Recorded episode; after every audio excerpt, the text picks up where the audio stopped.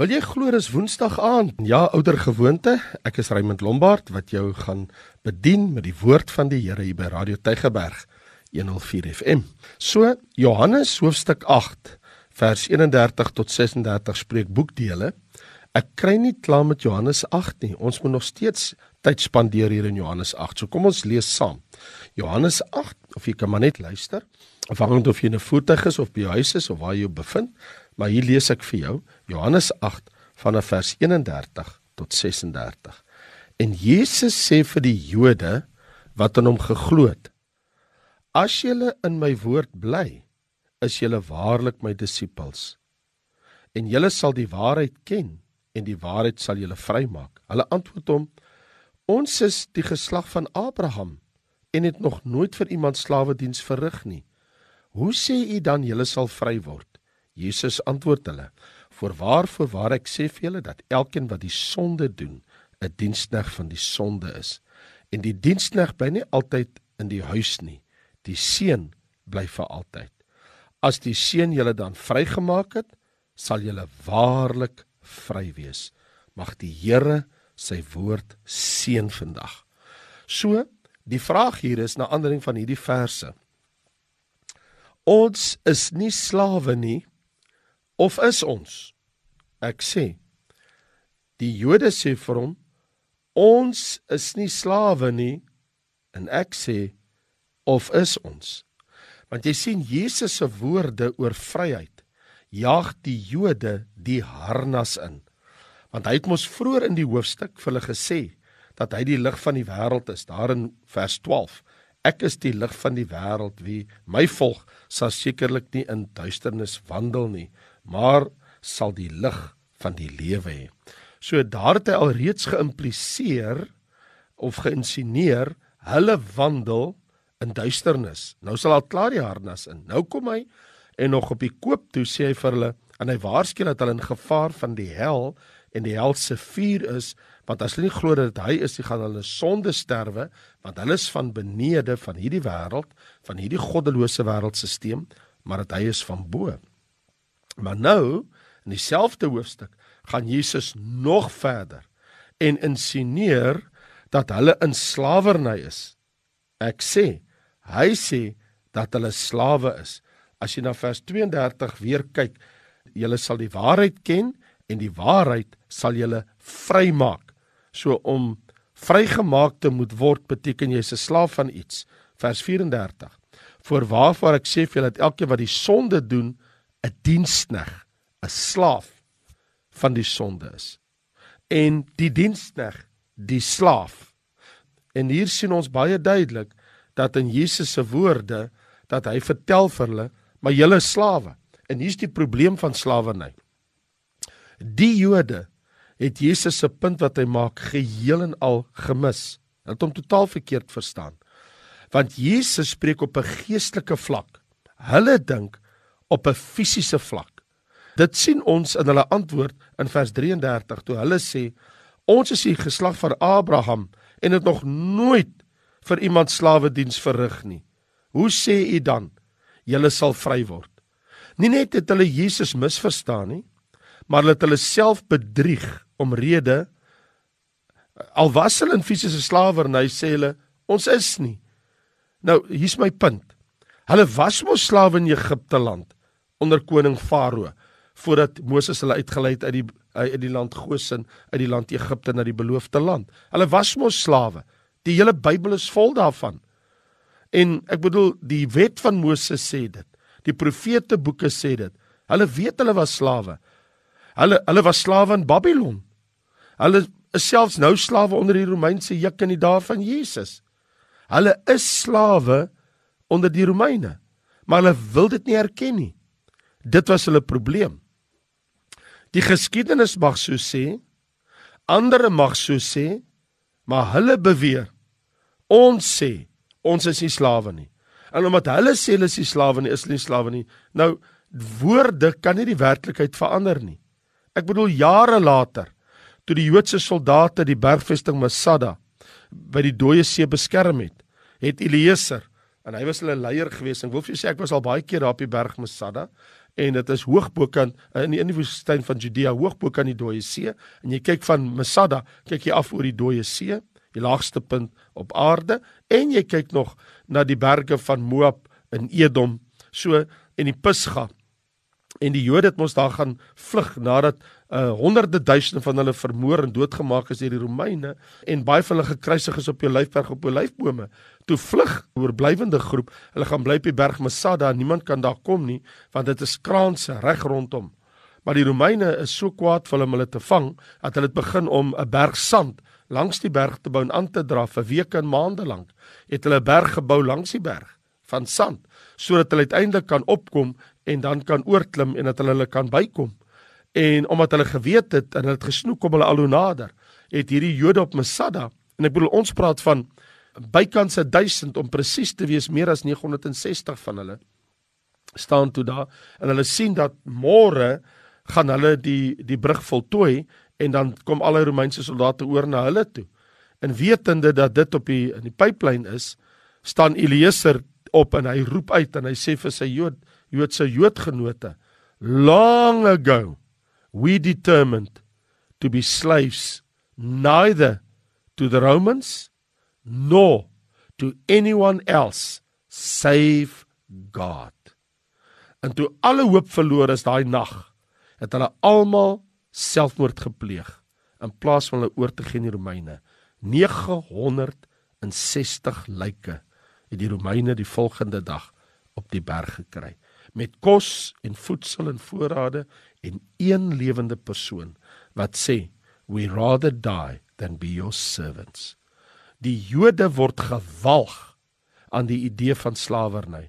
Hulle was so emosioneel daaroor dat hulle nooit dit kon aanvaar as 'n feit nie. Nie eens al bewys die geskiedenis dit nie. Nie eens al staan Jesus voor hulle wil hulle dit erken nie. Maar Jesus was nie besig om daaroor 'n diskussie te hê nie. Hy was besig om te spreek van geestelike slawerny, dat ons nie die punt mis van wat hier gebeur nie. En ook in dit het hulle geweier om dit as 'n kondisie van hulle eie harte te aanvaar. Die feit is Jesus sê in Johannes 8 vers 34: "Voorwaar, voorwaar, ek sê vir julle dat elkeen wat die sonde doen, 'n dienskneg, 'n slaaf van die sonde is." So selfs vandag weier mense om dit te erken. Sê net vir 'n alkolikus, jy is in slawerny met jou drankprobleem. Sê net vir iemand wat in drugs is, jy het 'n probleem. Daai persoon sal onmiddellik vir jou sê, "Nooit. Ek kan dit enige tyd los. Ek kan hierdie drank enige tyd los." Sê net vir 'n alkolikus, jy is 'n slaaf van die van die drank. Hulle ontken dit. Nou okay, hier's my uitdaging vir jou sit jou lippe vir 30 dae nie aan 'n bottel drank of 'n glas drank nie. En dan kom kyk ons of jy dit kan doen. Jy sê mos jy's nie alkolikus nie. Jy sê mos jy's nie 'n verslaafde nie. Ek sê vir jou, as jy in sonde is, is jy in slawerny. En jy sê nee, ek is nie 'n slaaf nie. En weet, mense praat dit mos af. Hulle sê mos ag, jy weet, dit is nie so sleg nie. Ek kan net 'n paar aanpassings maak. So mense wat in slawerny is, Hulle wil dit verkleineer, hulle wil dit geringskat, hulle wil dit minimaliseer. Dis nie so erg nie. Wel, kom ek vir jou sê, 'n TV-kommentator het eendag gesê die sonde van die samelewing het hy genoem kulturele neurosis. Nou van wanneer af is sonde neurosis? Sonde sonde.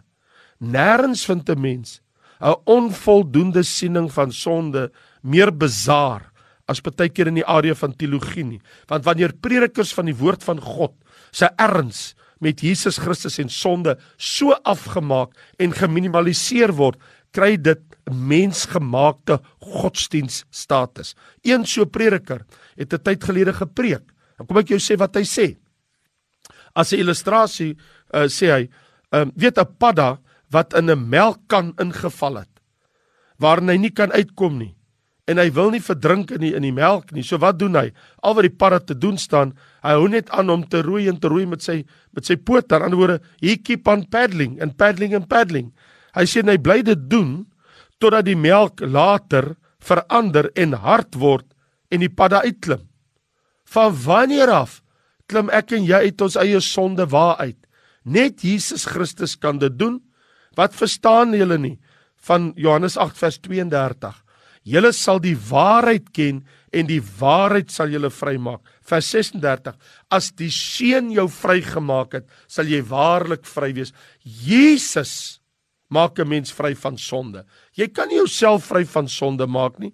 Jesus lei ons weg van die sonde. So die weg na vryheid, as ek die Bybel reg verstaan, en ek bedoel dit is tog voor die hand liggend hier in vers 31 en 32, as julle in my woord bly, sal julle waarlik my disippels wees.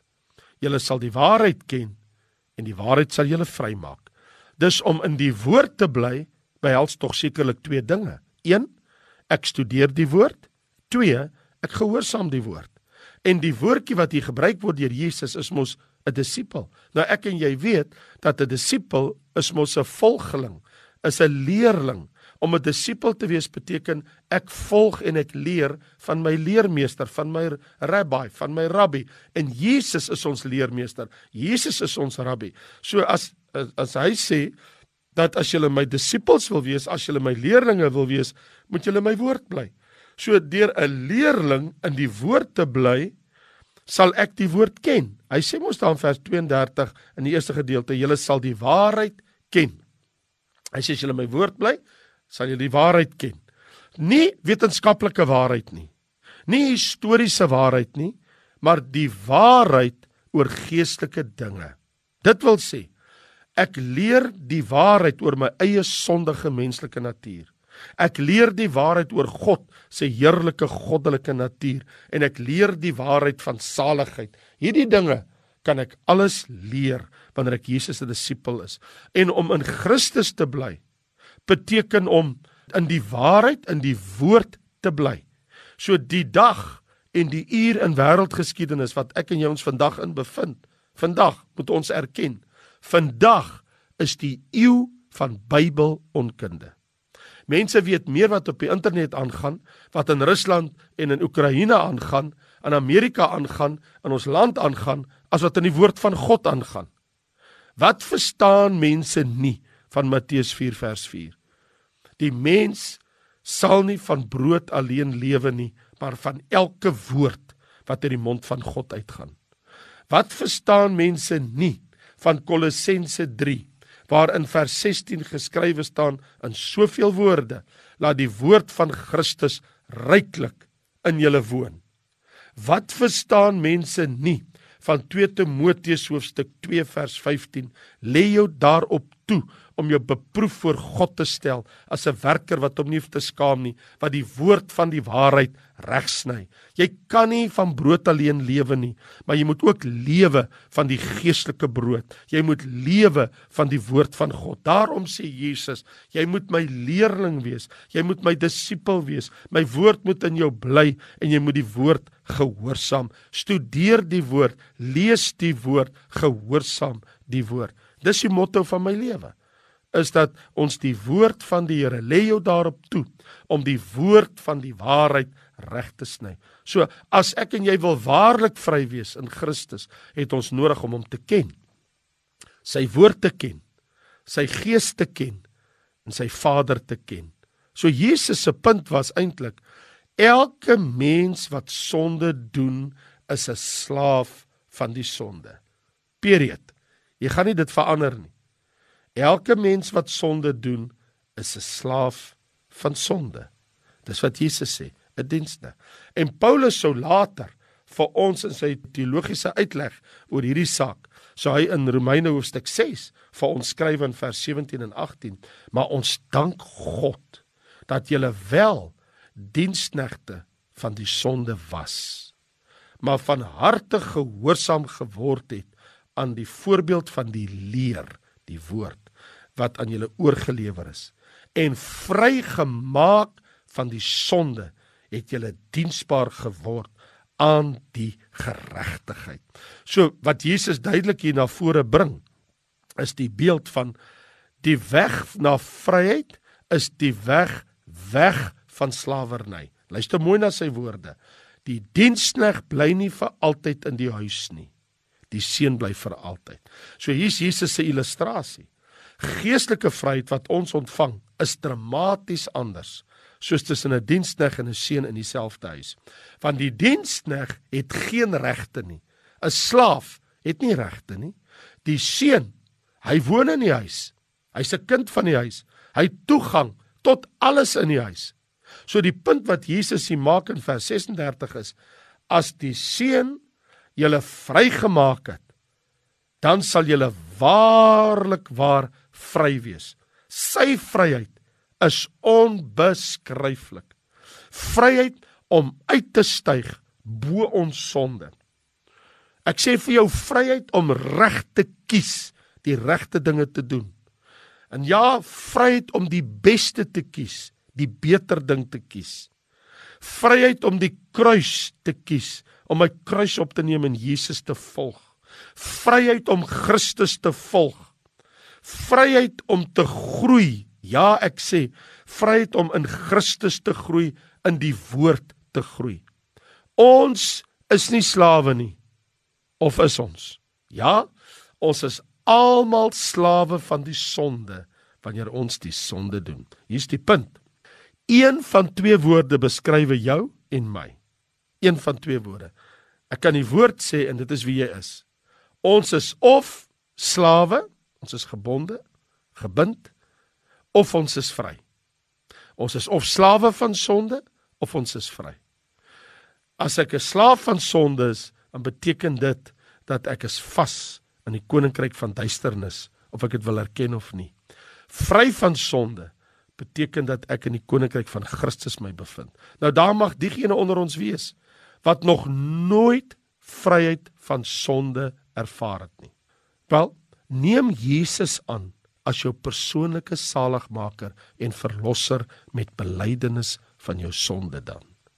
As jy nog nooit vryheid van sonde ervaar het nie, probeer Jesus. Gaan na Jesus toe en kyk wat doen hy vir jou.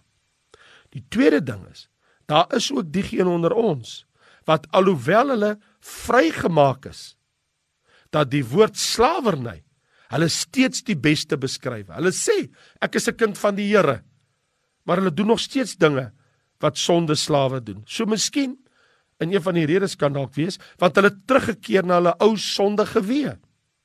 Die ou pad. En hier's 'n lelike ding.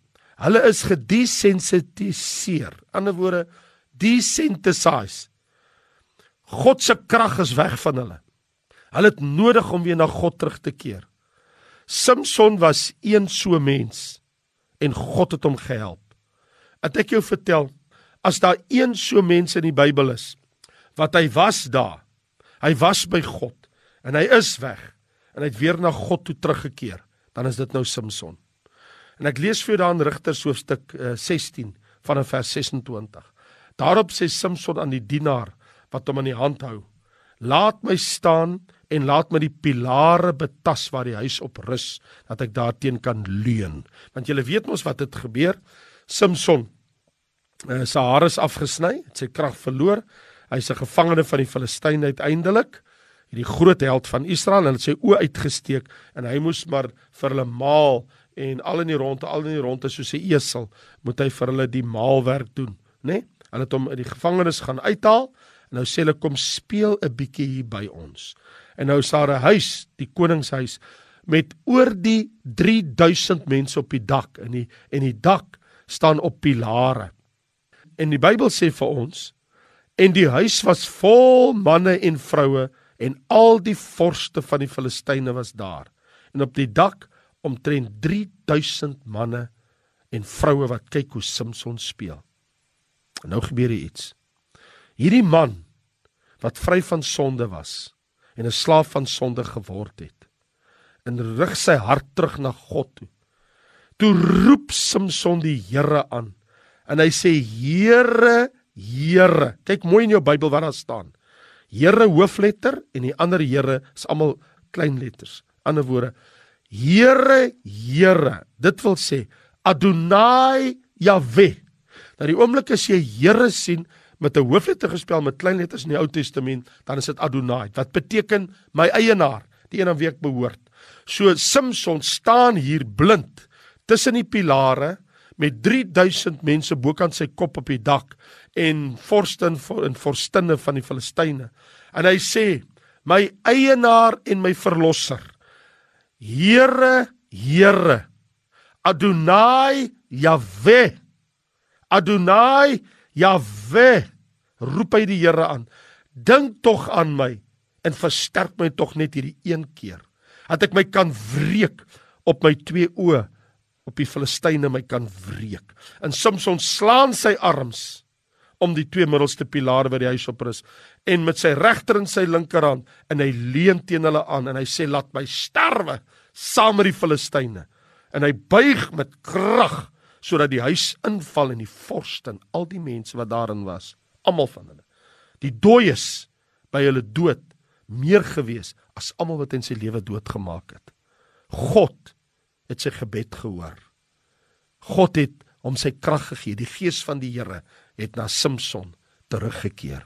Ek wil vir jou sê, as jy jou sondes bely en as jy jou sondes laat staan, sal God se gees na jou terugkeer, soos dit na Samson teruggekeer het. Here, help ons in die naam van Jesus om na U terug te keer met hartgrondige berou in Jesus naam, sodat ons ook kan beleef wat Jesus gesê het. Julle sal die waarheid ken en die waarheid sal julle vrymaak. As julle in my woord bly, sal julle waarlik my disippels wees. En as die Seun jou dan vrygemaak het, sal jy waarlik vry wees. Amen. Nou toe ek is Raymond Lombard en wil graag met jou Sondag aan weer verder gesels en hierdie keer gaan ek met jou praat uit die boekie Hebreërs uit. Seën vir jou 'n mooi aand. Baie dankie en totsiens.